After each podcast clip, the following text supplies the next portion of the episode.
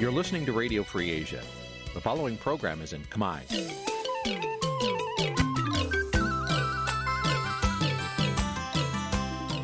នេះជាកម្មវិធីផ្សាយ Vuthu Azizi Serai នេះជាកម្មវិធីផ្សាយរបស់ Vuthu Azizi Serai ជាភាសាខ្មែរ Vuthu Azizi Serai សូមស្វាគមន៍លោកអ្នកនាងទាំងអស់ពីរដ្ឋធានី Washington នៃសហរដ្ឋអាមេរិក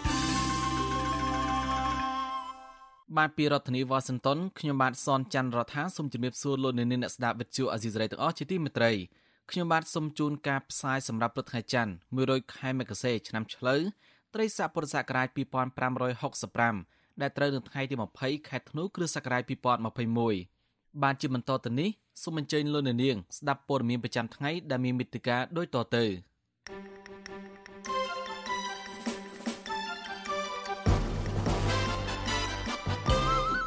សហជីពនិងអ្នកសិទ្ធិមនុស្សទូទៅអាជ្ញាធរក្រុងភ្នំពេញជួយរកដំណោះស្រាយបញ្ចប់វិវាទការងាររបស់កម្មករជាមួយបនលបៃ Nagavel ជាជាងយកលេសលៀបពណ៌ការតវ៉ារបស់កម្មករមន្ត្រីសិទ្ធិមនុស្សបារម្ភថារដ្ឋាភិបាលចាប់បានតត្រីតូចរួចត្រីធំរឿងលួចដីព្រៃលិចទឹករបស់រដ្ឋមន្ត្រីបកប្រឆាំងនៅអ្នកខ្លមើលមើលរំពឹងថាកម្ពុជាបានផលចំណេញពីកិច្ចប្រជុំគណៈកម្មការចម្រុះជាមួយវៀតណាម ក្រមយុវជនរាប់សំណាក់បោះជំរំរយៈពេល3ថ្ងៃនៅក្នុងសហគមន៍ព្រៃឈើអូកក់ខេត្តក្រចេះដើម្បីចូលរួមការពារទន្លេមេគង្គរួមនឹងព័ត៌មានផ្សេងៗមួយចំនួនទៀតបានជាបន្តទៅនេះខ្ញុំបានសនចាររថាសំជូនព័ត៌មានពិស្ដាសហជីពនៅអ្នកការពារសិទ្ធិមនុស្សហួសចិត្តដែលមន្ត្រីក្រសួងការងារផ្ញើសារចាប់ប្រកាន់ថាការតវ៉ារបស់ក្រុមបុគ្គលិកនៅក្រុមហ៊ុន Casino Nagavel ថាជាទម្រង់នៃការធ្វើបដិវត្តពួកគេទទួលអាជ្ញាធរពាក់ព័ន្ធនឹងក្រុមហ៊ុនផ្ដល់ដំណោះស្រាយត្រឹមត្រូវដើម្បីបញ្ចប់ការតវ៉ានេះជាជាងគម្រាមកំហែងនិងចាប់ប្រកាន់កម្មករមិនសមហេតុផលតាមអំពើចិត្តការលើកឡើងនេះបន្ទាប់ពីរដ្ឋលេខាធិការក្រសួងការងារលោកហេងសួរបានសរសេរលើ Facebook ដោយចោទប្រកាន់ថាការតវ៉ារបស់ក្រុមបុគ្គលិកកម្មករនៅក្រុមហ៊ុន Nagavel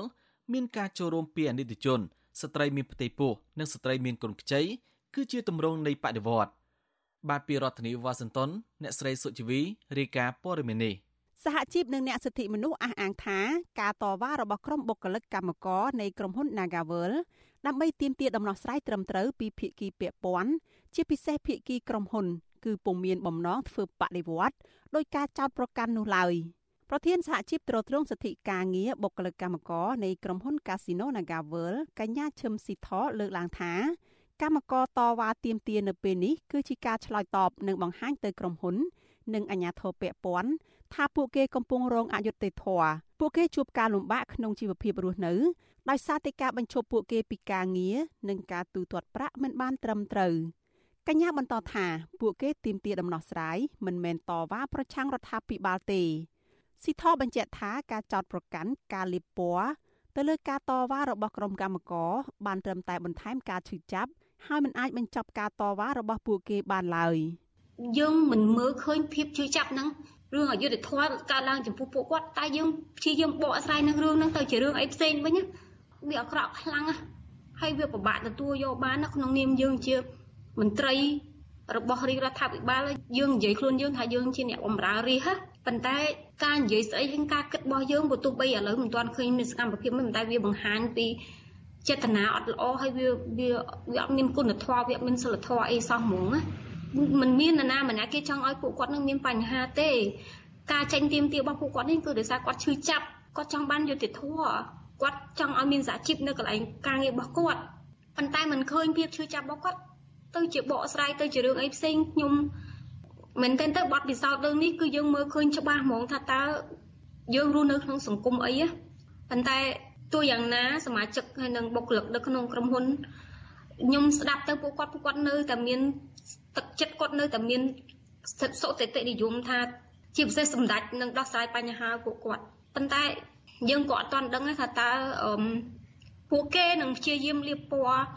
ជនរងគ្រោះឲ្យឲ្យឲ្យទៅជាជនរងគ្រោះអាក្រក់លឹះនឹងប៉ុណ្ណាទៀតយើងអត់ដឹងអត់មានយុទ្ធនាការដើម្បីដោះស្រាយបញ្ហាទេគឺមានតែយុទ្ធនាការដើម្បីលៀបពណ៌ការលើកឡើងរបស់សហជីពនេះបន្ទាប់ពីរដ្ឋលេខាធិការក្រសួងការងារលោកហេងសួរ បានសរសេរនៅលើ Facebook របស់លោកកាលពីថ្ងៃទី19ខែធ្នូថាការប្រើប្រាស់អនិច្ចជនឬស្ត្រី ជាពិសេសស្ត្រីមានកូនខ្ចីឬស្ត្រីមានផ្ទៃពោះដើម្បីចូលរួមការតវ៉ាអ្វីមួយគឺជាតតិចមួយ ដែលមានសរសេរនៅក្នុងក្បួនរបស់អ្នករៀបចំចលនាបដិវត្តពណ៌នៅប្រទេសណាមួយអ្នករៀបចំផែនការតែងតែបន់ស្រន់ឲ្យមានគ្រោះថ្នាក់ដោយចៃដន្យណាមួយកើតឡើងទៅលើអនិច្ចជន ឬលើស្ត្រី ដើម្បីទាក់ទាញសមានចិត្តនិងបញ្ឆេះកំហឹងមហាជនលោកហេសួរដែលតាមរយៈសារបែកធ្លាយកាលពីឆ្នាំ2018ធ្លាប់គម្រាមសម្រាប់ពលករខ្មែរពីប្រទេសជប៉ុន នៅពេលណាដែលពួកគេត្រឡប់មកកម្ពុជាវិញនោះបានបន្តសរសេរទៀតថាតាក់ទិចនេះពួកគេប្រើប្រាស់នៅដើមឆ្នាំ2020និងឆ្នាំ2010ប៉ុន្តែចំពោះមុខតាក់ទិចនេះតែងតែត្រូវបានអាជ្ញាធរមានសមត្ថកិច្ចនៃប្រទេសនានាចាត់ការទៅលើមេខ្លោងនិងជនដៃដល់ ដែលអនុវត្តផែនការនេះបានទាន់ពេលក្រុមកម្មការនយោជិតក្រុមហ៊ុន Nagavel បានធ្វើកោតកម្មពីថ្ងៃហើយដើម្បីទាមទារឲ្យថៅកែបនលបែងកាស៊ីណូនៅកណ្ដាលទីក្រុងភ្នំពេញមួយនេះគោរពសិទ្ធិការងារនិងទទួលយកបុគ្គលិកជាង300នាក់ឲ្យចូលធ្វើការដូចដើមវិញចំនួនបាតុករកើនឡើងដល់ជាង2000នាក់នៅក្នុងថ្ងៃកោតកម្មនៅថ្ងៃទី2ប៉ុន្តែអាជ្ញាធរបានដាក់រនាំងដែកអមដោយកម្លាំងសមត្ថកិច្ចចម្រុះរាប់រយនាក់ឈររារាំងក្រុមកម្មករមិនឲ្យធ្វើដំណើរ ទៅស្រែកតវ៉ានៅទីធ្លាសួនច្បារខាងមុខក្រុមហ៊ុនស្ត្រីមានផ្ទៃពោះស្ត្រីមានកូនខ្ចីព្រមទាំងកូនកូនរបស់ពួកគេជាច្រើននាក់បានចូលរួមកោតកម្មនេះបុគ្គលិកបម្រើការផ្នែកកាស៊ីណូម្នាក់ដែលបានចូលរួមកោតកម្មនេះលោកស្រីហៅម៉ាលីស្នើសុំរដ្ឋាភិបាលជួយអន្តរាគមន៍ទៅភាគីក្រុមហ៊ុនឲ្យទទួលយកបុគ្គលិកជាង300នាក់រួមនៅថ្នាក់ដឹកនាំសហជីពចូលធ្វើការវិញព្រោះសហជីពអាចជួយដោះស្រាយបញ្ហាទូទៅឲ្យកម្មករជាមួយថៅកែ នៅកន្លែងការងារបាន។ខ្ញុំរួមទាំងកម្មករហើយនយោជិកទាំងអស់ហ្នឹងចង់ទៀមទាឲ្យប្រធានសហជីពនិងសកម្មជននិងបុគ្គលិកដែលមានឈ្មោះកាត់365នាក់ចូលធ្វើការវិញហើយនឹងឲ្យខាង ET ដែលគេហៅបុគ្គលិកកម្មសិក្សាហ្នឹងបងគឺចូលពេញសិទ្ធវិញហើយនឹងឲ្យក្រុមហ៊ុនហ្នឹងគិតគូរគុណលុយឲ្យបានត្រឹមត្រូវដោយបុគ្គលិកណាដែលគាត់បានមានឈ្មោះកាត់ដែរបង បើតាមសហជីពក្នុងចំណោមអ្នកដែលត្រូវក្រុមហ៊ុនបញ្ឈប់ពីការងារនោះមានស្ត្រីមានផ្ទៃពោះប្រមាណ20នាក់តកតងនឹងការធ្វើកោតកម្មនេះសាលារដ្ឋាភិបាលភ្នំពេញចេញលិខិតមួយជូនទៅថ្នាក់ដឹកនាំសហជីពកាលពីថ្ងៃទី18ខែធ្នូដោយចាត់ទុកសកម្មភាពនេះថាជាបាតកម្មខុសច្បាប់ទៅវិញអភិបាលរាជធានីភ្នំពេញលោកខួងស្រេងតម្រូវឲ្យខាងសហជីពបញ្ឈប់ការតវ៉ានេះជាបន្ទាន់ហើយត្រូវអនុវត្តតាមនីតិវិធី លោកខួងស្រេងប្រមានថានៅក្នុងករណីក្រមសហជីពនៅតែបន្តធ្វើសកម្មភាពខុសច្បាប់នេះទៀតនោះពួកគេនឹងត្រូវទទួលខុសត្រូវចំពោះមុខច្បាប់វិទ្យុអាស៊ីសេរីមិនអាចសុំការបកស្រាយបន្ថែមអំពីរឿងនេះពីអភិបាលរាជធានីភ្នំពេញលោកខួងស្រេងបានទេកាលពីថ្ងៃទី19ខែធ្នូដោយទូរស័ព្ទហៅចូលតែពុំមានអ្នកទទួល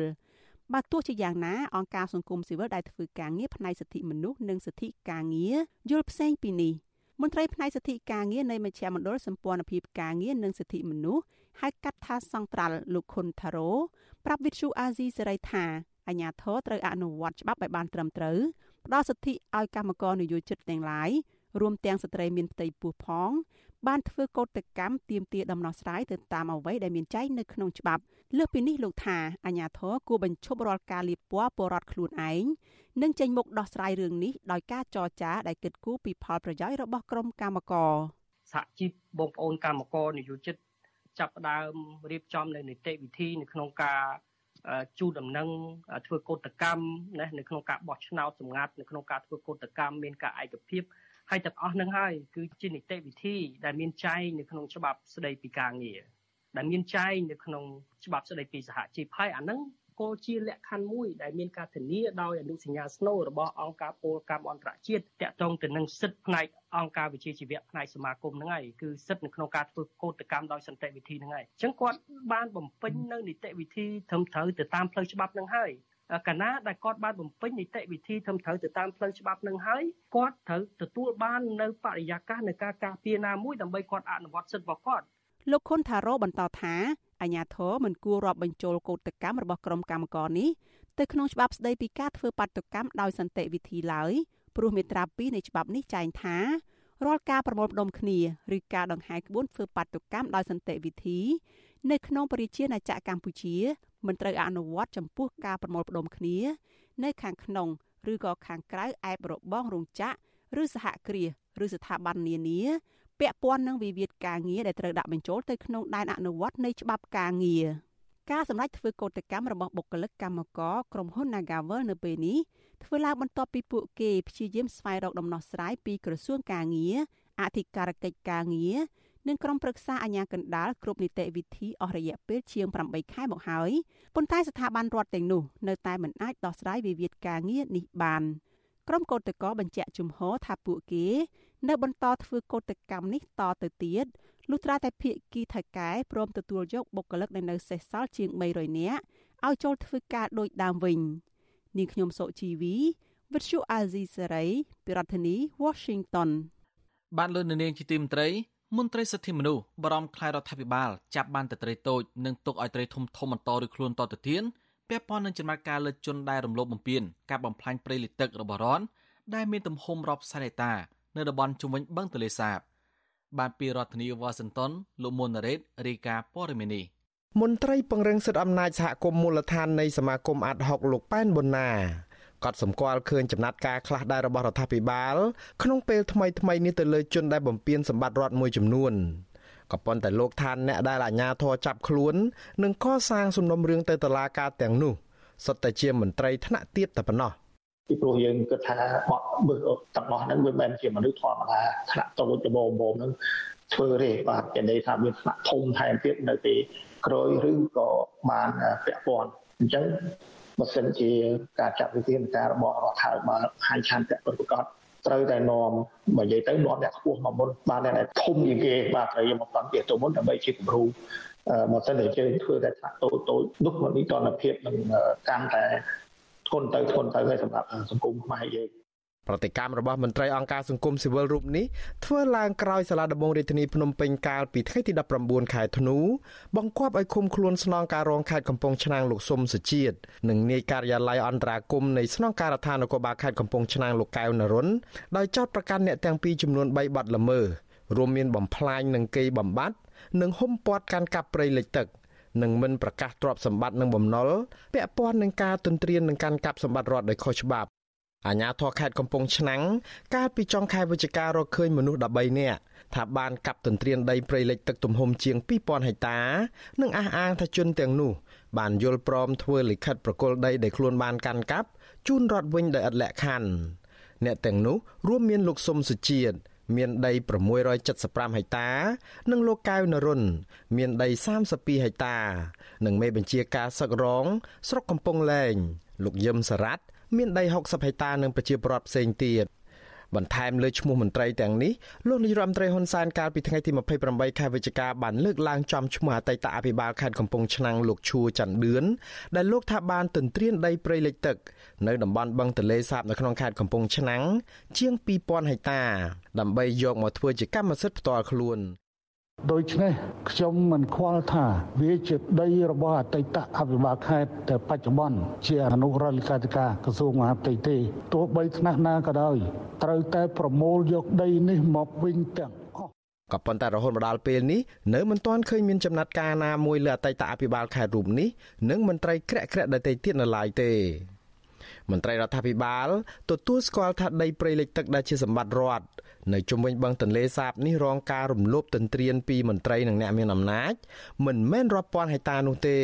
គឺរាប់ម៉ឺនរហូតដល់សែនហិកតាឯណោះប្រធានរាជបដិសភាលោកសុកទូចថ្លែងនៅក្នុងពិធីបិទសន្និសីទអន្តរជាតិប្រចាំឆ្នាំលើកទី16ស្ដីពីបរិបទថ្មីនៃទំនាក់ទំនងអាស៊ាននិងសាធារណរដ្ឋកូរ៉េកាលពីថ្ងៃទី16ខែធ្នូថាដីរដ្ឋត្រូវគេកាន់កាប់ខុសច្បាប់ជុំវិញបឹងទន្លេសាបគ្រាន់តែខេត្តកំពង់ធំមួយអស់100000ជាងហិកតា តែឆ្លោយតែ3000ទេខ្ញុំទប់អត់បានខ្ញុំស្គាល់ម្ចាស់ភាគច្រើនហើយណាសៀមរាបក៏ដូចគ្នាដែរគឺខ្ញុំដឹងសូនីគុំប្រមាណព្រំប្រទល់រវាងសរីសុភ័ណ្ឌប្រមាណជាមួយនឹងខេត្តសៀមរាបមិនមែន2000ទេរាប់ម៉ឺនបើប្រៀបធៀបទំហំនៃការរំលោភនិងចំណាត់ការរបស់រដ្ឋាភិបាល គឺនៅមានភាពតិចតួចស្រួយស្ដាងខ្លាំងមន្ត្រីអង្គការសង្គមស៊ីវិលថាបញ្ហាទន្ទ្រានដីព្រៃលិចទឹកដែលជាសម្បត្តិរបស់រដ្ឋនេះ បានคล้ายជាជំងឺរ៉ាំរ៉ៃនិងដុះស្លាយយូរទៅហើយទើបតែចិត្តរដូវកាលបោះឆ្នោតទើបរដ្ឋាភិបាលចាត់ការខ្លះហើយចាត់ការតែអ្នកតូចតាចតែប៉ុណ្ណោះខ្ញុំបាទមួងណារ៉េត With you Azizi Saray ពីរដ្ឋធានី Washington បាទលោកនាងជាទីមត្រីក្រមយុវជនជាច្រើនអ្នកបានរៀបចំកម្មវិធីបោះជំរំរយៈពេល3ថ្ងៃនៅក្នុងសហគមន៍ព្រៃឈើអូកក់ខេត្តក្រចេះក្នុងគោលបំណងចូលរួមការពារទន្លេមេគង្គ ពួកក៏បារម្ភចំពោះបញ្ហាប្រឈមនានារបស់ទន្លេមេគង្គ ហើយស្នើឲ្យយុវជន និងភាគីពាក់ព័ន្ធចូលរួមការពារទន្លេដ៏សំខាន់មួយនេះរបស់កម្ពុជា បាទពីរដ្ឋធានីវ៉ាស៊ីនតោនលោកជីវិតារាយការណ៍ព័ត៌មាននេះសមាគមបណ្ដាញយុវជនកម្ពុជា បានរៀបចំកម្មវិធីបោះជំរំយុវជន ស្ដីពីការចូលរួមរបស់យុវជន ក្នុងការការពារទន្លេមេគង្គរយៈពេល2ថ្ងៃចាប់ពីថ្ងៃទី15ដល់ថ្ងៃទី18ខែធ្នូ នៅសហគមន៍ព្រៃឈើអូកក់ ស្ថិតនៅភូមិអូកក់ឃុំអូក្រៀងស្រុកសម្បូរខេត្តក្រចេះកម្មវិធីនេះមានការចូលរួមពីយុវជន30នាក់ដោយមានសមាជិកមកពីក្រមចលនាមេដាធម្មជាតិសហគមន៍ការពារព្រៃឈើទាំង6ក្នុងស្រុកសម្បូរនិស្សិតមកពីរាជធានីភ្នំពេញ និងជនជាតិដើមភាគតិចនៅបណ្ដាខេត្តមួយចំនួនប្រធានផ្នែកកម្មវិធីស្រាវជ្រាវនិងតស៊ូមតិនៃសមាគមបណ្ដាញយុវជនកម្ពុជា លោកហេងកំហុងអះអាងថា កម្មវិធីបោះជំរំនេះធ្វើឡើងដើម្បីផ្សារភ្ជាប់ទំនាក់ទំនងគ្នារវាងយុវជន និងអ្នកដឹកនាំយុវជនឲ្យបានសិក្សាជ្រាវជ្រាវបន្ថែមទៀតពីសារៈសំខាន់របស់ទន្លេមេគង្គលោកបន្តថានេះជាលើកទី2ហើយនៃកម្មវិធីបោះជំរំនេះបន្ទាប់ពីធ្វើលើកទី1នៅឆ្នាំ2019ហើយបណ្ដាញសមាគមយុវជនកម្ពុជាគ្រោងនឹងធ្វើជាបន្តបន្ទាប់នៅពេលខាងមុខទន្ទឹមនឹងនោះ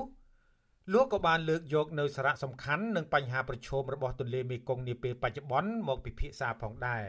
ទន្លេមេគង្គគឺជាផ្នែកមួយនៃប្រព័ន្ធចរិយាសាស្ត្ររបស់ប្រទេសកម្ពុជាជាផ្នែកមួយយ៉ាងសំខាន់ណាស់ក្នុងការផ្ដល់នៅទឹកសម្រាប់ស្រោចស្រពនិងជាចរន្តទឹកដែលមានចំណេះដំណងជាមួយនឹងទន្លេសាបដែលជាទន្លេនិងជាជំរកត្រីដ៏ធំរបស់ប្រទេសកម្ពុជាបើមិនជាមានយុវជនតិចតួចណាស់បានដឹងពីទន្លេនេះ ហើយជាពិសេសយុវជនមិនបានធ្វើការសិក្សាស្រាវជ្រាវបន្ថែមអំពីទន្លេមេគង្គនិងទួនាទីរបស់ទន្លេមេគង្គទេប្រហែលជាធ្វើឲ្យក្រុមមួយឬក៏ក្រុមអ្នកដែលមានឱកាសអំពីការបំពេញបំផ្លាញដងទន្លេនឹងអាចមានឱកាសកាន់តែច្រើន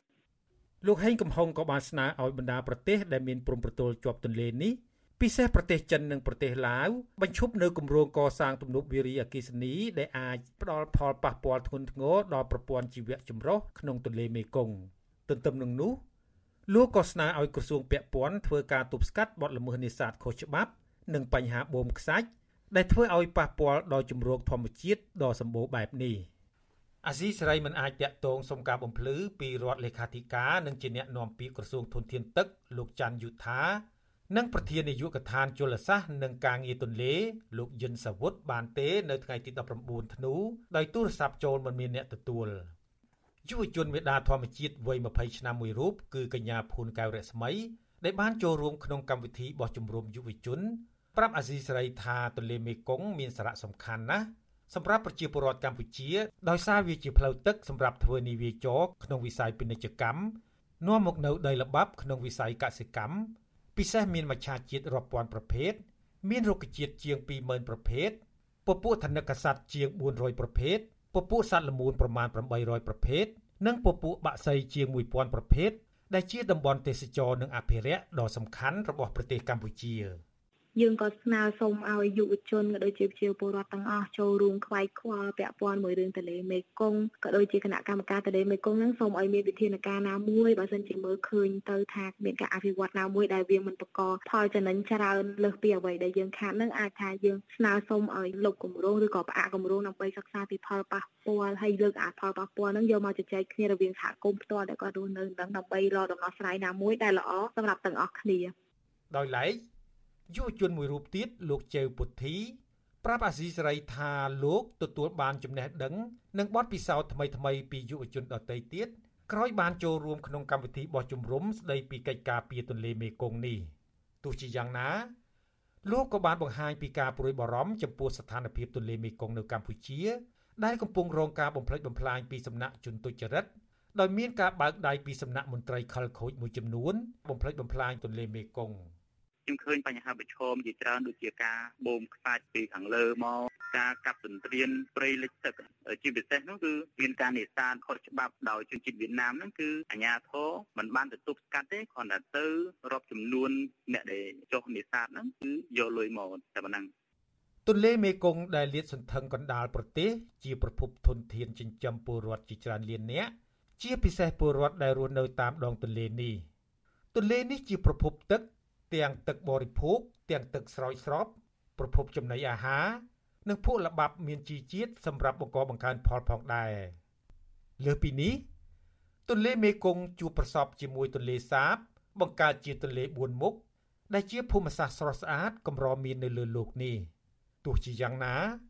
សង្គមស៊ីវិលនិងក្រុមអ្នកជំនាញទន្លេមេគង្គរកឃើញថាអាងទន្លេមេគង្គកំពុងប្រឈមនឹងរំហូរទឹកទាបបំផុតរយៈពេលប្រមាណឆ្នាំចុងក្រោយនេះ ដោយសារមានបញ្ហាជាច្រើន រួមមានបរិមាណទឹកភ្លៀងធ្លាក់តិចតួចខុសពីប្រក្រតីការសាងសង់ទំនប់វារីអគ្គិសនីច្រើនហួសហេតុនៅក្នុងប្រទេសចិននិងប្រទេសខ្សែទឹកខាងលើ ក្រៅពីនេះរដ្ឋាភិបាលកម្ពុជាក៏បានវិនិយោគឲ្យក្រុមហ៊ុនធំៗមួយចំនួន ដូចជាក្រុមហ៊ុន OCIC របស់អង្គការ Q ពេញសែនិងក្រុមហ៊ុនរបស់អង្គការខុនសៀជាដើមចាក់លុបទន្លេមេគង្គទ្រង់ទ្រាយធំជាបន្តបន្ទាប់ ដើម្បីយកដីធ្វើជាក្រុងរណបដែលស្ថិតនៅក្បែរកោះពេជ្រនិងក្នុងខេត្តកណ្ដាលអ្នកឃ្លាំមើលបរិស្ថានបារម្ភថាបញ្ហាទាំងនេះនឹងធ្វើឲ្យការបន្តពូជត្រីថយចុះនិងការធ្លាក់ចុះនៃទិន្នផលត្រីដែលនឹងគំរាមកំហែងដល់សន្តិសុខស្បៀងសម្រាប់សហគមន៍ដែលងាយរងគ្រោះបំផុតនៅក្នុងតំបន់លើសពីនេះទៀតប្រទេសកម្ពុជានឹងទទួលរងឥទ្ធិពលធ្ងន់ធ្ងរដោយសារការបាត់បង់សក្តានុពលជលផល និងធារាសាស្ត្រ ខ្ញុំជីវិតាអាស៊ីសេរីបាទលោកនាងជាទីមន្ត្រីមន្ត្រីបពប្រឆានឹងក្រុមអ្នកខ្លមើលមើលរំពឹងថាកម្ពុជា បានទទួលផលប្រយោជន៍ពីកិច្ចប្រជុំគណៈកម្មការចម្រុះលើកទី19ជាមួយភាគីវៀតណាមនោះទេ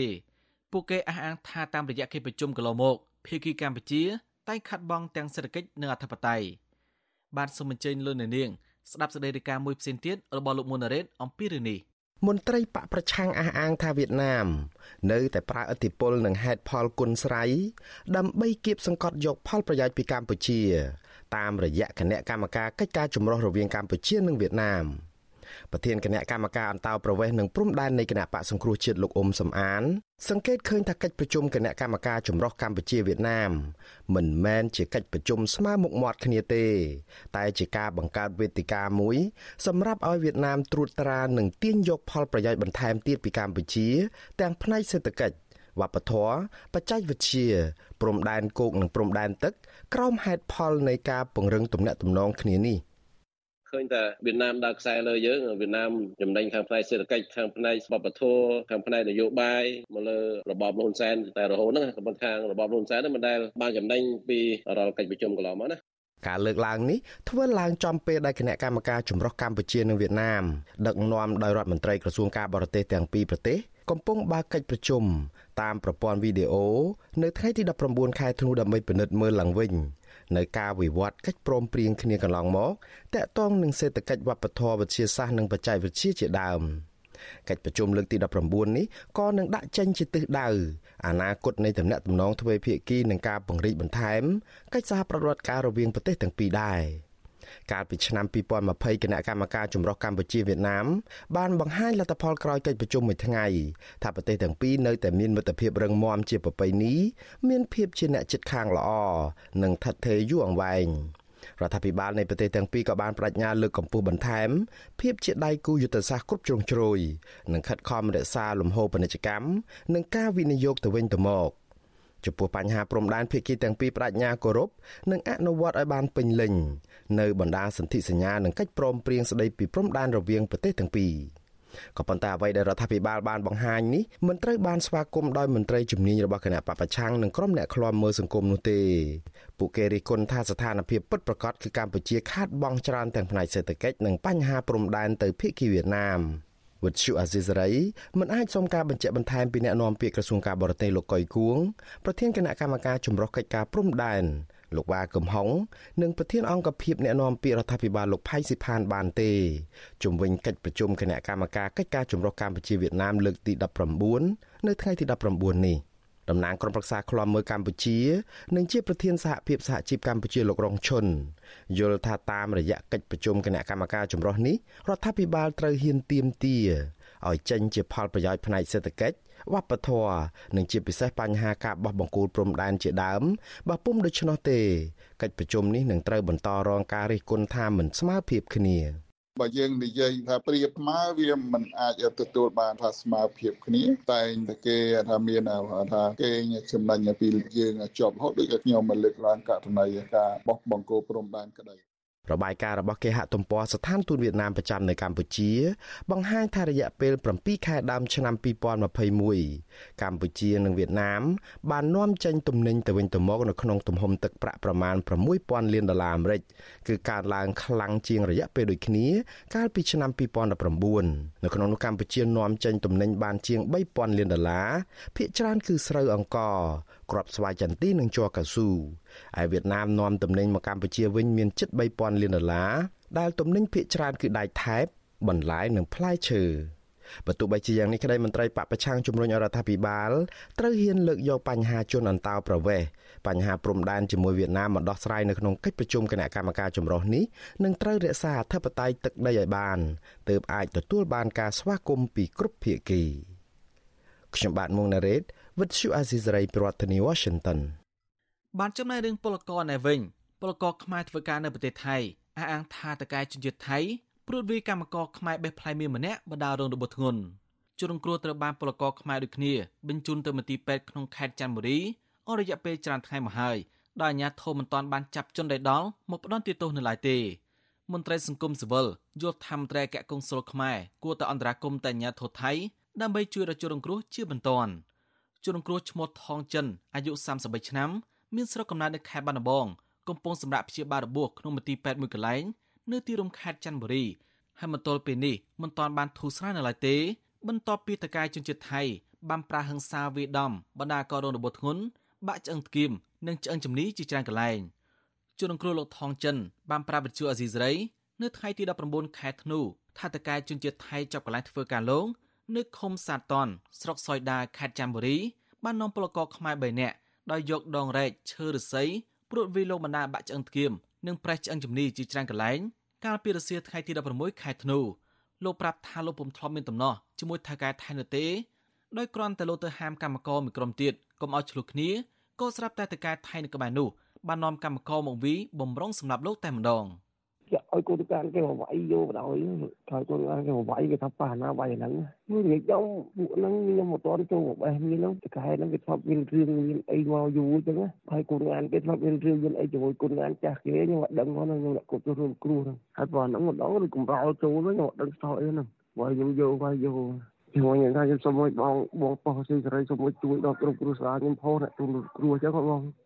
ជួរងគ្រោះលោកថងចិន បានទៅដល់ប្រទេសថៃជាមួយប្រពន្ធដោយស្របច្បាប់ធ្វើការជាកម្មករបេះផ្លែមៀនឲ្យជនជាតិថៃនៅស្រុកសយតាវខេត្តចាំបុរីជាប់ព្រំដែនខេត្តបាត់ដំបងទើបតែបាន2ខែក៏ត្រូវតកែថៃប្រវីឲ្យរងរបួសធ្ងន់សាក់សីនៅកន្លែងកាត់ហេតុថ្លែងសុំមិនបញ្ចេញឈ្មោះឲ្យដឹងថាអំពើហិង្សានេះបានកាត់ឡើងដោយសារក្រុមតកែថៃឈ្មោះចប់ដែលបង្កហេតុនោះមានតំណែងស្នេហាជាមួយពលករខ្មែរមួយក្រុមបេះផ្លែមៀនឲ្យជនជាតិថៃម្ខាងទៀតនៅក្បែរនោះមិនបានក៏នាំកូនឈ្នួលរបស់ខ្លួន ព្រួតវាជ្រងគ្រោះតែម្ដងលោកបញ្ជាក់ថារហូតមកទល់ពេលនេះប៉ូលីសថៃមិនបានចាប់ជនដែលដល់ណាម្នាក់បាននៅឡើយទេហើយថែមទាំងគម្រាមគ្រួសារជនរងគ្រោះថាប្រសិនបើពួកគេប្តឹងប៉ូលីសហើយអាជ្ញាធរថៃនឹងចាប់ពួកគេបញ្ជូនទៅកម្ពុជាវិញទៀតផង។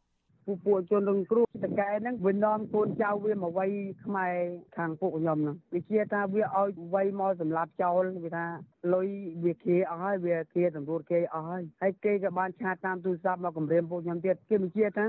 វាយទៅវាយទៅគេនឹងធានារ៉ាប់រងអាតកែនេះគេថាគេធានារ៉ាប់រងចាហៅបងចាហៅដូចដូចរឿងចិនហ្នឹងអត់មានទេអត់មានដំណោះស្រាយទេអញ្ចឹងខ្ញុំសូមស្នើដល់ស្ថានទូតដែលជួយអន្តរាគមន៍ពួកគាត់ផងវិទ្យុអេស៊ីសរ៉ៃ មិនទាន់អាចតតមមន្ត្រីអគ្គកុងស៊ុលខ្មែរប្រចាំខេត្តស្រះកែវដើម្បីសូមអធិប្បាយអំពីរឿងនេះបានទេ នៅថ្ងៃទី19ខែធ្នូក៏ប៉ុន្តែតកែរបស់ជនរងគ្រោះឈ្មោះបៀបានប្រាប់វិទ្យុអេស៊ីសរ៉ៃថាលោកពុំបានដឹងថាអ្នកណាវាកូនឈ្នួលរបស់លោកនោះទេដោយសារថ្ងៃកាត់ហេតុលោកចរវល់ទៅព្រំដែនកម្ពុជាចំណែកការដែលអាញាធរថៃមិនទាន់ចាប់ជនដែលដល់មកផ្ដន់ទីទៅនោះលោកអះអាងថាដោយសារជនរងគ្រោះមិនទាន់បានប្តឹងទៅប៉ូលីសថៃនៅឡើយទេ បើទោះបីជាណាមន្ត្រីកម្មវិធីនៃមជ្ឈមណ្ឌលសម្ព័ន្ធភាពការងារនិងសិទ្ធិមនុស្សហៅកាត់ថាសង្ត្រាល់លោកឌីថេវយ៉ាយល់ថាញាធរថៃត្រូវចាប់ជនឯដលមកផ្ដន់ទោសតាមច្បាប់ដែលពុំចាំបាច់ឲ្យជនរងគ្រោះប្តឹងនោះទេលោកបានថែមថាកែកុងស៊ុលខ្មែរប្រចាំខេត្តស្រែកែវក៏គួរតែប្រញាប់ចុះអន្តរាគមទៅភៀកគីថៃដើម្បីជួយដល់ជនរងគ្រោះក្រោយទទួលបានដំណឹងនេះលោកជឿថាប្រសិនបើអាញាធរខ្មែរនិងថៃមិនសហការគ្នាជួយអន្តរាគមទេនោះជនរងគ្រោះមិនទទួលបានយុត្តិធម៌ទេ កើតឡើងបែបនេះគឺដោយសារតែវាអាចពីមើលងាយទៅដល់រដ្ឋមួយដែលធ្លាប់តែដាក់ពលរដ្ឋខ្លួនឯងចោលមិនអើពើអីជាដើមចឹងទៅអាប្រទេសនៃម្ចាស់ប្រទេសនោះគឺថាមានន័យថាប្រទេសគោលដៅនោះក៏គេមិនទៅអើពើដែរក៏គិតថាបើរយុទ្ធធរចាត់វិធានការទៅក៏បានចាត់មិនចាត់វិធានការទៅក៏មានបញ្ហាកន្លងមកមានពលករខ្មែរជាច្រើនអ្នកត្រូវបានតកែជនជាតិថៃវិធ្វើបាបនៅគម្រាមសម្លាំ នៅក្នុងពេលដែលពួកគេធ្វើការនៅប្រទេសថៃហើយជារឿយៗពួកគេកម្រទទួលបានយុត្តិធម៌ណាប្រសិនបើពុំមានអន្តរាគមពីអាញាធរខ្មែរនៅអង្គការសង្គមស៊ីវិលនៅប្រទេសថៃទេជាឧទាហរណ៍កាលពីខែធ្នូឆ្នាំ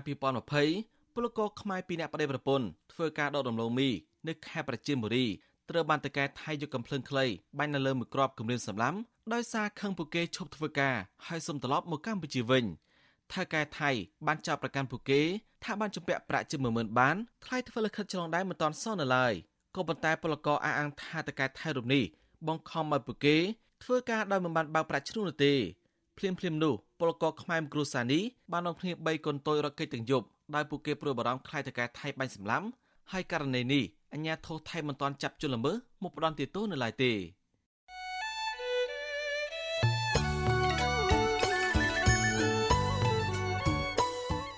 បានលោកនៅនាងជាទីមត្រីដំណើរគ្នានឹងស្ដាប់ការផ្សាយវិទ្យុអាស៊ីសេរីតាមបណ្ដាញសង្គម Facebook និង YouTube លោកនាងក៏អាចស្ដាប់កម្មវិធីផ្សាយរបស់វិទ្យុអាស៊ីសេរីតាមរយៈរលកធាតុអាកាសខ្លីឬ Shortwave តាមកម្រិតនិងកម្ពស់ដូចតទៅនេះពេលព្រឹកចាប់ពីម៉ោង5កន្លះដល់ម៉ោង6កន្លះតាមរយៈរលកធាតុអាកាសខ្លី9390 kHz ឬស្មើនឹងកម្ពស់ 32m និង11850 kHz ឬស្មើនឹងកម្ពស់ 25m ពេលយប់ ចាប់ពីម៉ោង7កន្លះដល់ម៉ោង8កន្លះតាមរយៈរលកធាតុអាកាសខ្លី9390 kHz ឬស្មើនឹងកម្ពស់ 32m និង15155 kHz ឬស្មើនឹងកម្ពស់ 20m បាទសូមអរគុណ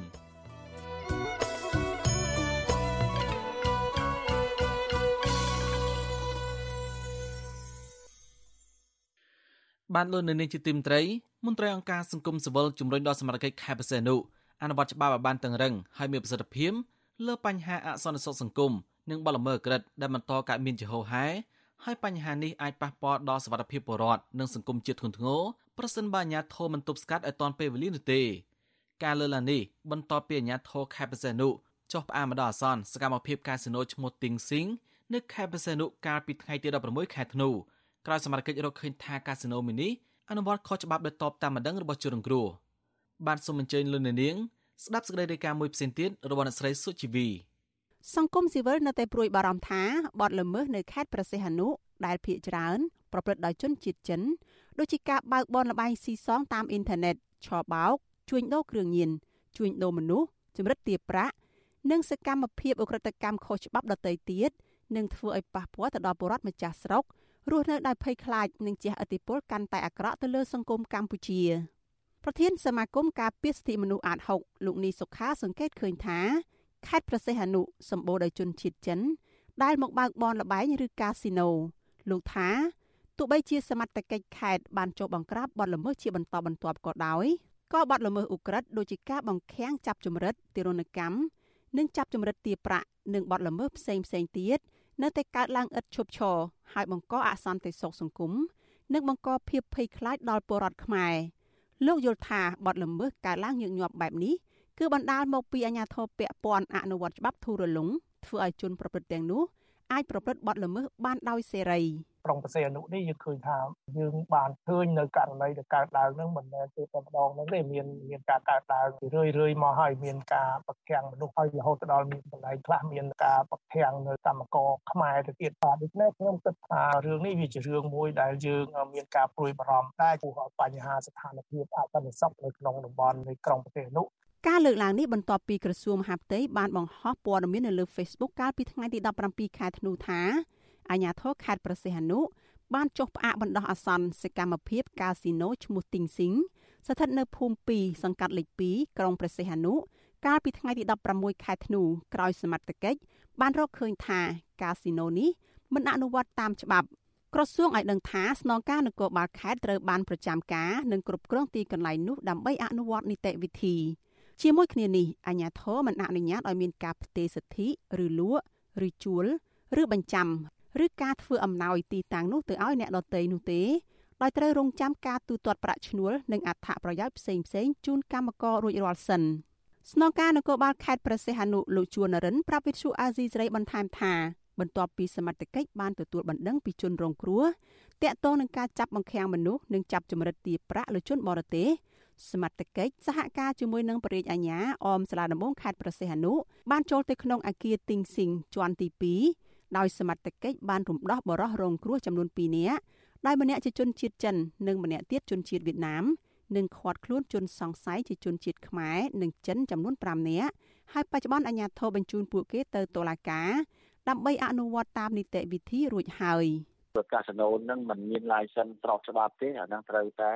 បិទហើយបើសិនជាមាន license ត្រឹមត្រូវតែបើសិនជាយើងរកឃើញបទល្មើសព្រឹត្តណាមួយកើតឡើងនៅទីនោះគឺក្នុងនាមគណៈបញ្ជាការរដ្ឋបាលសាលាខេត្តលោកនឹងធ្វើរបាយការណ៍ស្នើទៅថ្នាក់ដឹកនាំក្រសួងមហាផ្ទៃតាមលំដាប់ថ្នាក់ដើម្បីដក license ចំណែកអ្នកនាំពាក្យតុលាការខេត្តប្រសិទ្ធនុលោកហួតវិចិត្រប្រាប់ថាលោកមិនអាចបញ្ជាក់ជុំវិញរឿងនេះបាននៅឡើយទេដោយលោកជំរុញឲ្យផ្ញើសំណួរទៅលោកតាមប្រព័ន្ធ Telegram វិញ។ លោកនេះសុខាយល់ថាបើករណីទាំងនោះកើតឡើងក្រោមទម្រង់អនុវត្តច្បាប់មិនបានត្រឹមត្រូវដោយសារអំពើពុករលួយនោះរឿងនេះនឹងបង្កអសន្តិសុខសង្គមដែលធ្វើឲ្យប្រជាពលរដ្ឋប្រឈមបញ្ហាផ្លូវចិត្តជាពិសេសព្រួយបារម្ភពីសុខភាពនៅក្នុងសង្គមជាដើមមន្ត្រីសង្គមស៊ីវិលរូបនេះជំរុញដល់អាជ្ញាធរមានសមត្ថកិច្ចត្រូវអនុវត្តច្បាប់ឲ្យបានតឹងរឹងដើម្បីចាត់វិធានការផ្លូវច្បាប់លើជនប្រព្រឹត្តល្មើសឲ្យមានប្រសិទ្ធភាព ដើម្បីផ្ដល់ទំនុកចិត្តទៅដល់ប្រជាពលរដ្ឋយើងចង់ឲ្យសមត្ថកិច្ចនឹងពង្រឹងការអនុវត្តច្បាប់ឲ្យបានម៉ឺងម៉ាត់ចំពោះអ្នកដែលបានប្រព្រឹត្តបទល្មើសទាំងអស់ហ្នឹងជៀសវាងកុំឲ្យមានអំពើនីតិរដ្ឋភាពអំពើពុករលួយអីនៅក្នុងនឹងជាដើមហ្នឹងបានយើងអាចដោះស្រាយឬក៏គ្រប់គ្រងស្ថានភាពនៅក្នុងតំបន់ចឹងបានបើមិនចឹងទេអានឹងវាអាចជាបញ្ហាប្រឈមធំហើយកាលពីឆ្នាំ2020សមត្ថកិច្ចកម្ពុជាបានចាប់ខ្លួនជនជាតិចិនជាង500នាក់ពាក់ព័ន្ធនឹងបទអូក្រិដ្ឋដែលពួកគេបានប្រព្រឹត្តនៅកម្ពុជាសមត្ថកិច្ចឲ្យដឹងថា ជនជាតិចិនដែលត្រូវចាប់ខ្លួននោះភ ieck ច្រើន មានជាប់ពាក់ព័ន្ធនឹងអំពើឃាតកម្មការចាប់ជំរិតទារប្រាក់អំពើហិង្សាឆបោកចោរកម្មរត់ពន្ធថ្នាំញៀននិងការប្រើប្រាស់អាវុធខុសច្បាប់នាងខ្ញុំសុជីវីវិទ្យុអាស៊ីសេរីពីរដ្ឋធានី Washington បានតេតតទៅនឹងស្ថានភាព COVID-19 វិញអ្នកស្លាប់ដោយសារ COVID-19 បានកើនឡើងដល់ជាង3000នាក់ក្រោយពីអ្នកជំងឺពីរនាក់ទៀតបានស្លាប់ក្នុងនោះមានម្នាក់មិនទាន់ចាក់វ៉ាក់សាំង ចំណែកករណីឆ្លងថ្មីវិញមាន6នាក់ដែលជាលទ្ធផលបញ្ជាក់ដោយម៉ាស៊ីនពិសោធន៍ PCR គិតត្រឹមថ្ងៃទី19ខែធ្នូកម្ពុជាមានអ្នកកើត COVID-19 ជាង12ម៉ឺននាក់ក្នុងនោះអ្នកជាសះស្បើយមានជាង100,000ម៉ឺននាក់ទន្ទឹមគ្នានេះកម្ពុជាបានរកឃើញអ្នកឆ្លងមេរោគ COVID-19 បំផ្លាញថ្មី Omicron ចំនួន4នាក់ហើយគិតត្រឹមថ្ងៃទី18ខែធ្នូក្រសួងសុខាភិបាលប្រកាសថាគិតត្រឹមថ្ងៃទី18ខែធ្នូរដ្ឋាភិបាលបានចាក់វ៉ាក់សាំងជូនដល់ប្រជាពលរដ្ឋចាប់ពីអាយុ5ឆ្នាំឡើងទៅ កាន់តែជិតសម្រេចផែនការ100%ហើយនៅក្នុងចំណោមអ្នកដែលត្រូវចាក់វ៉ាក់សាំងសរុបជាង14លាន2សែននាក់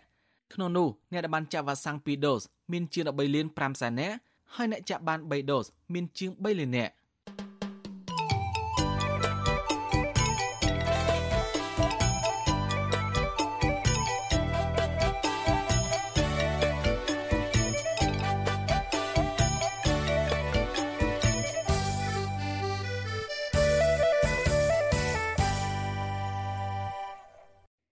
បានតេតតទៅនឹងផលប៉ះពាល់នៃវិបត្តិ COVID-19 នេះរដ្ឋមន្ត្រីក្រសួងសេដ្ឋកិច្ចនិងហិរញ្ញវត្ថុលោកអូនប៉មនីរ៉ន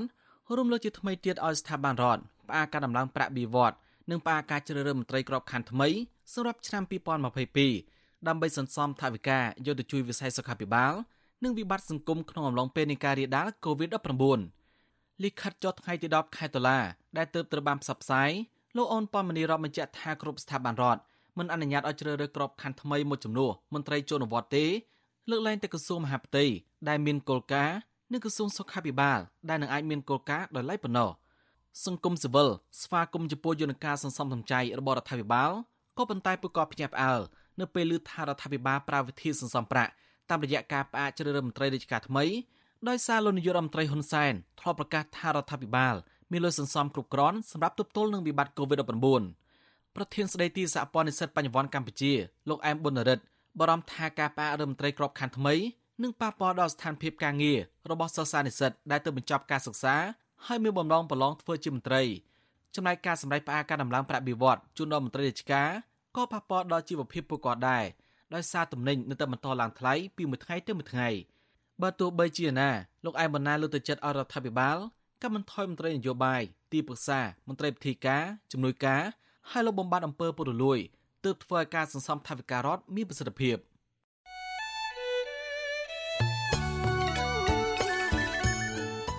បានលោកនាងជាទីមត្រីនៅក្នុងឱកាសនេះដែរខ្ញុំបានសូមថ្លែងអំណរគុណដល់លោកនាងកញ្ញាទាំងអស់ដែលតែងតែមានភក្ដីភាពចំពោះការផ្សាយរបស់យើងហើយចាត់ទុកការស្ដាប់វិទ្យុអាស៊ីសេរីជាផ្នែកមួយនៃសកម្មភាពប្រចាំថ្ងៃរបស់លោកនាងការគ្រប់គ្រងរបស់លោកនាងនេះហើយដែលធ្វើឲ្យយើងខ្ញុំមានទឹកចិត្តកាន់តែខ្លាំងបន្ថែមទៀត នៅក្នុងការស្វែងរកនិងផ្តល់ព័ត៌មានជូនលោកនាងមានអ្នកស្ដាប់អ្នកទស្សនាកាន់តែច្រើនកាន់តែធ្វើយើងខ្ញុំមានភាពស្វាហាប់មោះមុតជាបន្តទៅទៀតយើងខ្ញុំសូមអរគុណទុកជាមុនហើយសូមអញ្ជើញលោកនាងចូលរួមជំរុញសកម្មភាពផ្តល់ព័ត៌មានរបស់យើងនេះកាន់តែជោគជ័យបន្ថែមទៀតលោកអ្នកនាងអាចជួយយើងខ្ញុំបានដោយគ្រាន់តែចុចចែករំលែកឬ Share ការផ្សាយរបស់យើងនៅលើបណ្ដាញសង្គម Facebook និង YouTube ទៅកាន់មិត្តភ័ក្តិដើម្បីឲ្យការផ្សាយរបស់យើងបានទៅដល់មនុស្សកាន់តែច្រើន បាទសូមអរគុណ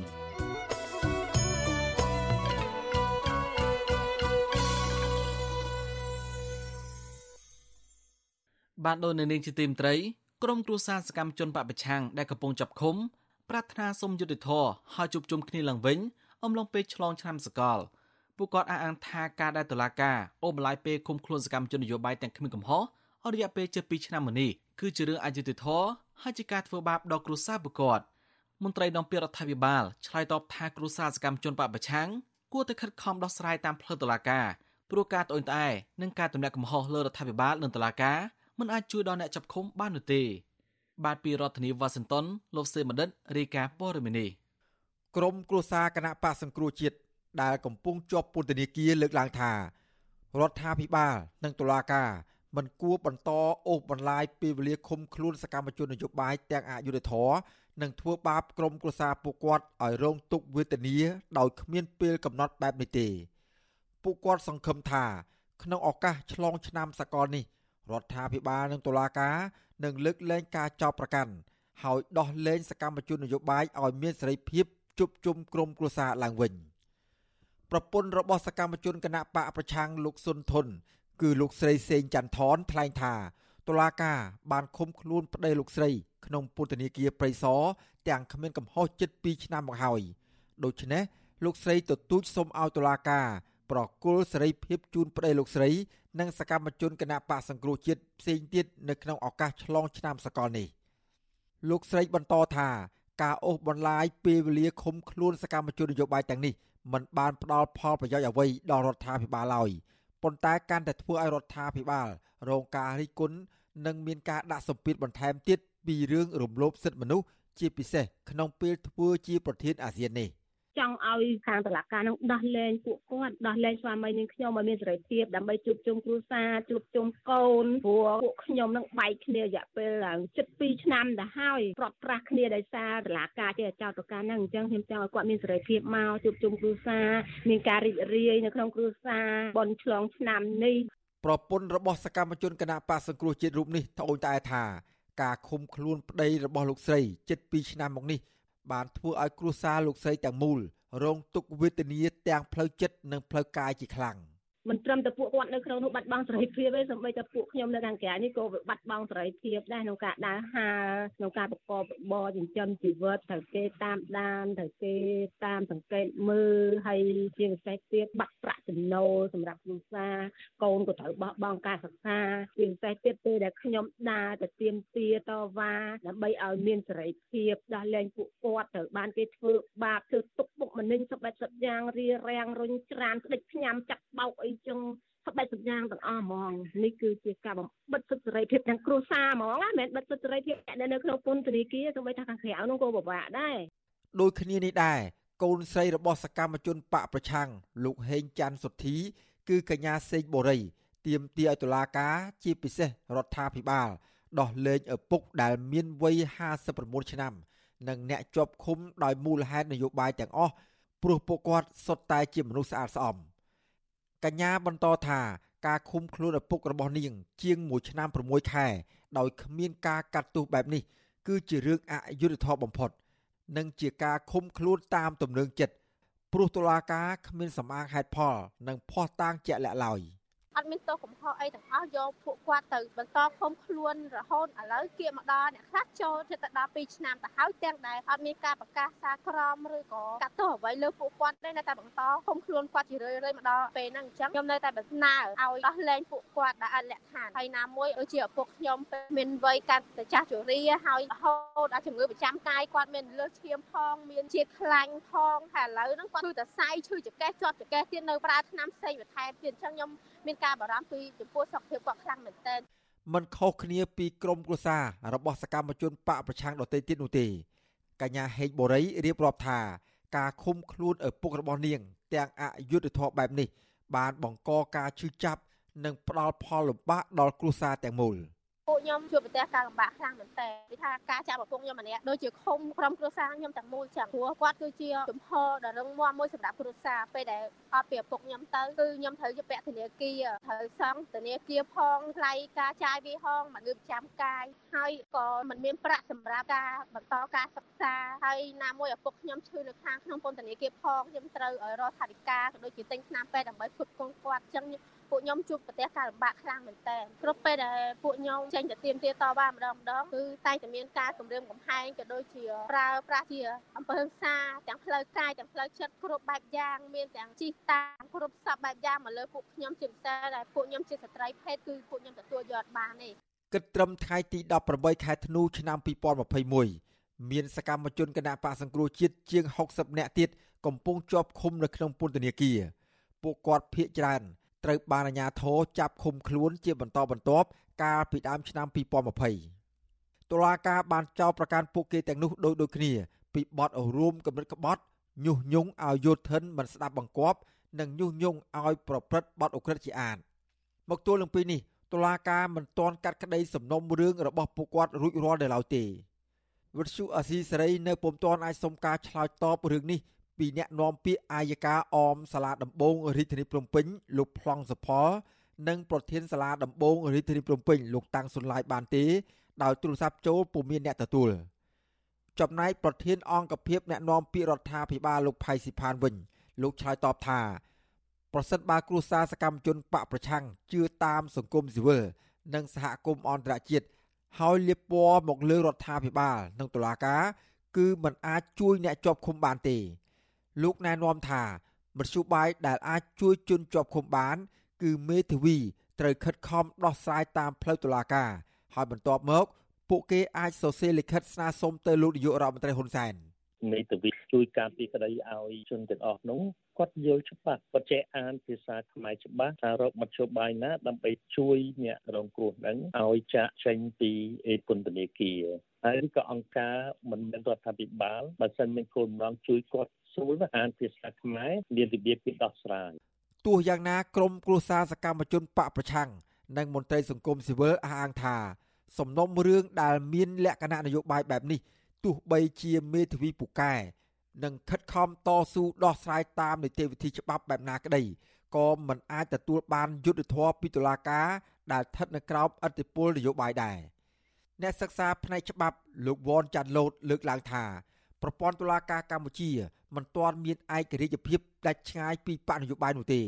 ដូច្នេះហើយទើបអ្នកនយោបាយបកប្រឆាំងបន្តរងគ្រោះជាបន្តបន្ទាប់លោកបន្តថាប្រទេសដែលមាននីតិរដ្ឋនិងប្រជាធិបតេយ្យពិតប្រាកដគឺគេមិនប្រើប្រព័ន្ធតុលាការដើម្បីដាក់ទោសទណ្ឌទៅលើអ្នកនយោបាយដែលគ្រាន់តែប្រើប្រាស់វោហារស័ព្ទនយោបាយនិងបញ្ចេញមតិរិះគន់រដ្ឋាភិបាលនោះឡើយអ្នកសិក្សាផ្នែកច្បាប់រូបនេះជំរុញឲ្យគណៈបកកាន់អំណាច គួរតែមានអធិស្ឋានខ្ពស់សម្រាប់អ្នកនយោបាយខ្មែរដូចគ្នា ដើម្បីផលប្រយោជន៍ជាតិនិងប្រជាពលរដ្ឋរដ្ឋាភិបាលខ្ញុំគិតថាគួរតែក្លាហានធានធ្វើសម្បទាននយោបាយពីព្រោះការធ្វើសម្បទានឬក៏អធិស្ស្រ័យនយោបាយវាមិនមែនឆ្លោះបញ្ចាំងតែខ្លួនអន់ខ្លួនខ្សោយអីទេវាឆ្លោះបញ្ចាំងអំពីភាពនៃការធ្វើនយោបាយបែបចាស់ទុំរបស់អ្នកនយោបាយហ្នឹងបាទ ទី2រឿងនយោបាយយើងទៅតវ៉ាទៅតស៊ូមតិផ្នែកច្បាប់ក៏វាអត់អាចទៅរួចដែរហើយសង្គមកម្ពុជាយើងមើលឃើញថាតើមានដែលបញ្ហានយោបាយណាមួយដែលត្រូវបានដោះស្រាយតាមប្រព័ន្ធតុលាការដោយយុត្តិធម៌វាអត់ដែលមានគឺមានតែអ្នកនយោបាយចរចាគ្នាត្រូវរើគ្នាហើយដឹកដៃគ្នាទៅលេងបង្គោលឬក៏ទៅណាទៅនេះហើយស្ថានភាពនយោបាយវាល្អប្រសើរគឺយើងឃើញតែប៉ុណ្ណឹងក្រមអង្គការជាតិនិងអន្តរជាតិជាច្រើនស្ថាប័ន រួមទាំងទីភ្នាក់ងារអង្គការសហប្រជាជាតិផង បានចេញផ្សាយរបាយការណ៍ជាបន្តបន្ទាប់ស្ដីពីការធ្លាក់ចុះដុនដាបលើវិស័យសិទ្ធិមនុស្សនៅកម្ពុជា ចាប់តាំងពីតុលាការកំពូលរំលាយគណៈបកសង្គ្រោះជាតិកាលពីចុងឆ្នាំ2017មករបាយការណ៍ទាំងនោះរកឃើញប្រហាក់ប្រហែលគ្នាថាអាញាធររដ្ឋាភិបាល បន្តចាប់ឃុំខ្លួនសមាជិកគណៈបកប្រឆាំងនិងសកម្មជនសង្គមឥតលហែនិងបានចោទប្រកាន់ពួកគេដោយគ្មានមូលដ្ឋាន និងការបកស្រាយច្បាប់តាមទំនឹងចិត្តដើម្បីបំបិទសិទ្ធិសេរីភាពជាមូលដ្ឋានរបស់ប្រជាពលរដ្ឋពួកគេតែងតែអំពាវនាវឲ្យរដ្ឋាភិបាលប្រគល់សេរីភាពជូនអ្នកកំពុងជាប់ឃុំក្នុងសំណុំរឿងនយោបាយនោះឡើងវិញបើពុំដូច្នោះទេក្រមប្រទេសលោកសេរីនឹងពង្រីកទណ្ឌកម្មបន្ថែមទៀតក្នុងនោះក៏រួមមានទាំងទណ្ឌកម្មលើមន្ត្រីក្រាក់ក្រាក់របស់រដ្ឋាភិបាល ជាលក្ខណៈបុគ្គលផងដែរខ្ញុំបាទសេកបណ្ឌិត វិទ្យុអាស៊ីសេរីពីរដ្ឋធានីវ៉ាស៊ីនតោន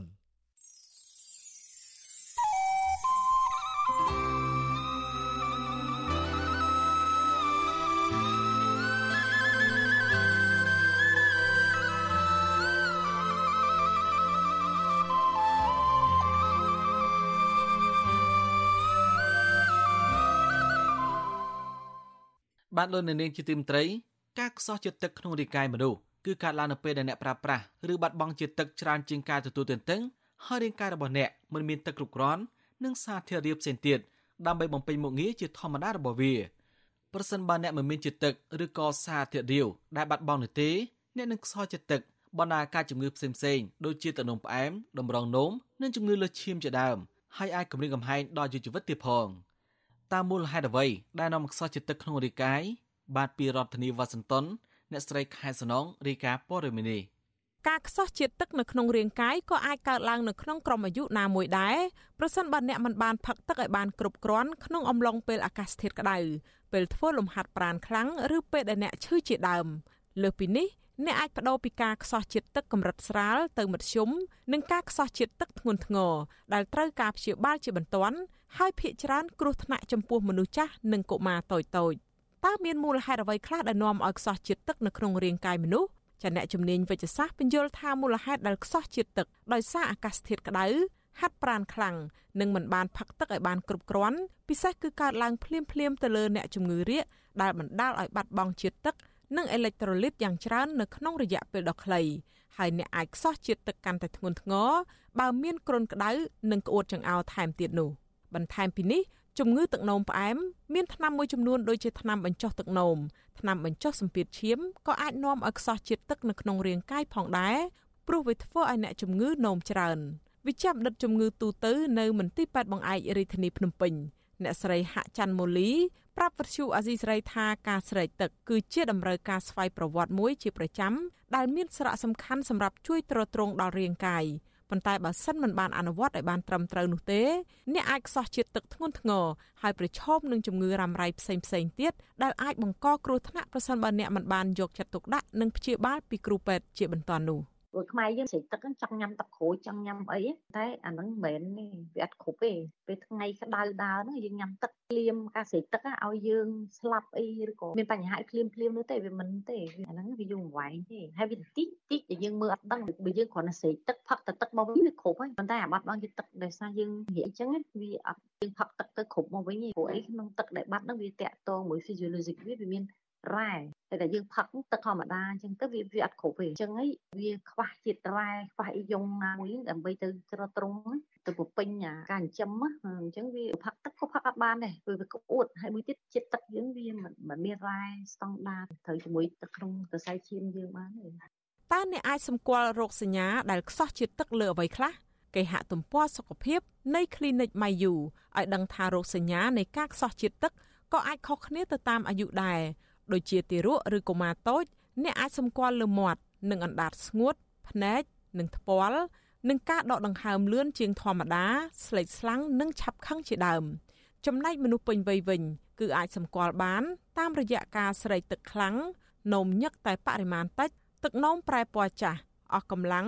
ងងឹតមុខវិលមុខឬច្របូកច្របល់ជាដើម។ គេហទំព័រសុខភាពដដែលឲ្យដឹងទៀតថាមនុស្សមួយចំនួនមានហានិភ័យ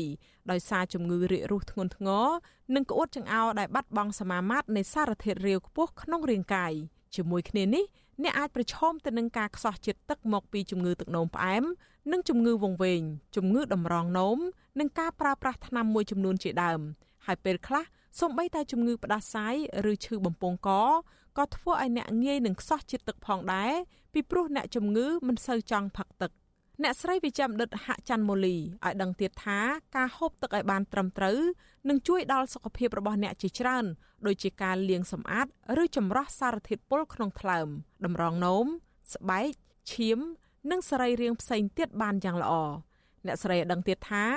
ការខ្សោះជាតិទឹកក្នុងរាងកាយធ្វើឲ្យបរិមាណឈាមទាបសម្ពាធឈាមធ្លាក់ចុះនិងងាយថយចុះបរិមាណអុកស៊ីហ្សែននៅក្នុងខ្លួនដែលអាចគំរាមកំហែងដល់អាយុជីវិតអាបាត់របស់ជាតិទឹកដោយសារគ្រុនឈាមហ្នឹងវាបឺតយកជាតិទឹកហ្នឹងគេដឹងថាឈាមអស់មកអញ្ចឹងវានៅសល់តែគ្រាប់ឈាមវាខាប់អញ្ចឹងធ្វើឲ្យយើងក្មេងហ្នឹងវាស្លាប់មួយទៀតព្រាកអញ្ចឹងវាបាត់បង់ជាតិទឹកឈាមឈូឈូឈូ ទឹកនឹងវាជាតិតាមផ្សៃឈាមមកនៅក្នុងពោះវៀនអញ្ចឹងទៅធ្វើឲ្យឈាមនឹងខាប់ដែរអញ្ចឹងបេះដូងលែងដើរដែរគេបេះដូងមួយទៀតដោយសារក្តៅពេលក្តៅយើងអត់ញ៉ាំទឹកយើងអត់យើងអត់សូវជួយចិត្តញ៉ាំទឹកដល់អញ្ចឹងធ្វើឲ្យយើងមានចានវាអត់ស្លាប់ភ្លាមទេបាត់បង់ទឹកក្តៅទៅវាធ្វើឲ្យយើងពេលណាឈាមយើងខាប់ហ្នឹងទៅយើងទៅជាគ្រោះក្នុងតំងនោមយើងទៅជាជាតិពុលនៅក្នុងឈាមហ្នឹងកើនឡើងនិយាយទៅអត់ស្រួលខ្លួន ធ្វើឲ្យតម្រងនោមរបស់យើងវាខ្សោយដោយសារតែវាចម្រោះអាជាតិពុលនឹងអត់បានល្អវាខាប់លៀងជាតិពុលអត់បានច្រើនអញ្ចឹងយូរយូរទៅធ្វើឲ្យយើងខូចតម្រងនោមខ្សោយតម្រងនោមហើយថ្លើមយើងក៏អញ្ចឹងដែរកណាត់ទឹកតិចនៅក្នុងខ្លួនយើងអញ្ចឹងក៏ចម្រោះអាជាតិពុលហ្នឹងសរីរាង្គថ្លើមហើយនឹងតម្រងនោមវាហត់យូរយូរយូរទៅវាទៅជាថ្លើមហ្នឹងក៏វាខូចអ្នកជំនាញវិទ្យាសាស្ត្របានផ្ដល់អនុសាសន៍ចំពោះការបង្ការនិងការការពារការខ្វះជាតិទឹក ដោយត្រូវពិសាឬផឹកជាតិទឹកពី2លីត្រទៅ3លីត្រក្នុងមួយថ្ងៃ ស្របតាមរាងកាយឬបរិភោគអាហារដែលមានជាតិទឹកច្រើនដូចជាបន្លែផ្លែឈើតាមការណែនាំពិសេសនៅពេលអាកាសធាតុក្តៅឬត្រជាក់អ្នកត្រូវផឹកទឹកបន្ថែមដើម្បីជួយបន្ថយសីតុណ្ហភាពរាងកាយនិងជំនួសការបាត់បង់ជាតិទឹកមកវិញម្យ៉ាងវិញទៀតបើក្នុងលក្ខខណ្ឌក្អួតឬរាកអ្នកជំងឺត្រូវទទួលទានទឹកចំពោះរោគសញ្ញាដំបូងដោយគម្រោងចាំរហូតដល់ខ្សោះជាតិទឹក ប៉ុន្តែករណីខ្សោះជាតិទឹកខ្លាំងត្រូវបញ្ជូនអ្នកជំងឺទៅមន្ទីរពេទ្យជាបន្ទាន់ចំណុចដែលគួរកត់សម្គាល់នោះគឺសូមគម្រោងចាំរហូតដល់អ្នកមានអារម្មណ៍ថាស្រេកទឹកដោយត្រូវប្រកាសថាអ្នកបានផឹកទឹកហើយគួរជៀសវាងទឹកផ្លែឈើភេសជ្ជៈកៃឡា ទឹកដោះគោដែលមានជាតិប្រូតេអ៊ីនខ្ពស់និងមានជាតិអាល់កុលនាំឲ្យខ្សោះជាតិទឹកប៉ុន្តែអ្នកអាចហូបអាហារដែលមានតុល្យភាពរួមមាន បន្លែផ្លែឈើដែលផ្ទុកបរិមាណទឹកអំបិលនិងវីតាមីនច្រើន ដែលអាចជំនួយជាតិទឹកមកវិញនិងអាចជួយការពារការខ្សោះជាតិទឹកចានាងខ្ញុំខែសុណងវັດឈូអាស៊ីសេរីរាយការណ៍ពីរដ្ឋធានី Washington